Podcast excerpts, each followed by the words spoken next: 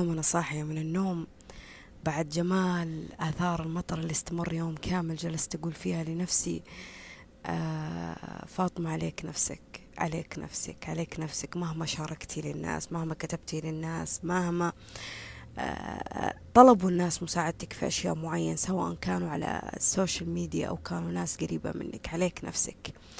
نفسك هي أهم من أي حاجة نفسك هي أولى أنك تطبقها بأي حاجة بأي فكرة أنت تسويها بأي كلمة أنت تقولها بأي شعور أنت تحس فيه.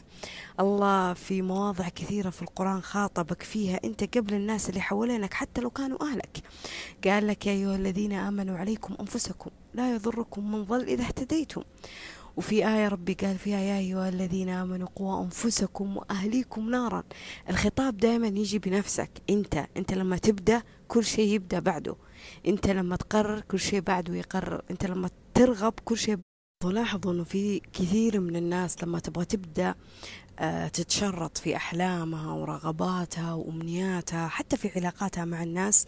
هذه الأشياء ما تطبقها على نفسها يعني يجيك نوع من الناس اللي اللي حلال عليه.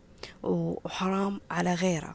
اللي اللي يستبيح الأشياء لنفسه بس يحرمها على غيره. اللي يشوف إنه هو آه الله راح يغفر له وراح يعطيه وراح يرضيه لكن غيره لا لا تقبل منه توبة وراح يدخل النار. اللي اللي اللي يبغى آه، الناس تكون مثل الروبورت.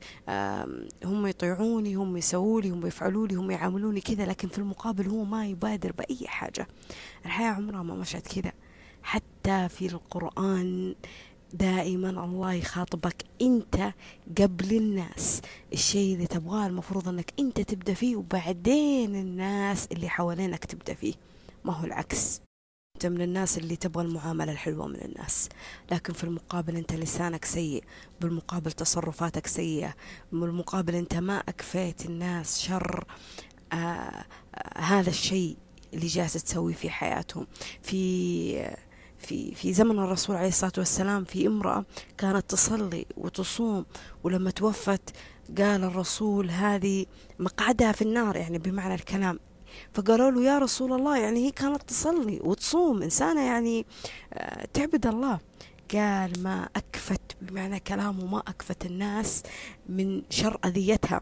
كانت تتكلم في الناس وتتكلم في أعراض الناس وتتكلم في حياة الناس وتنتقد الناس وتضر الناس. الناس تأذت منها. جبر الخواطر. لا تفكر إنه هي كلمة بس إحنا نقولها. جبر الخواطر سلوك وتصرف عليه أجر في دينك والشيء اللي عليه أجر في دينك في المقابل سوء الظن وأذية الناس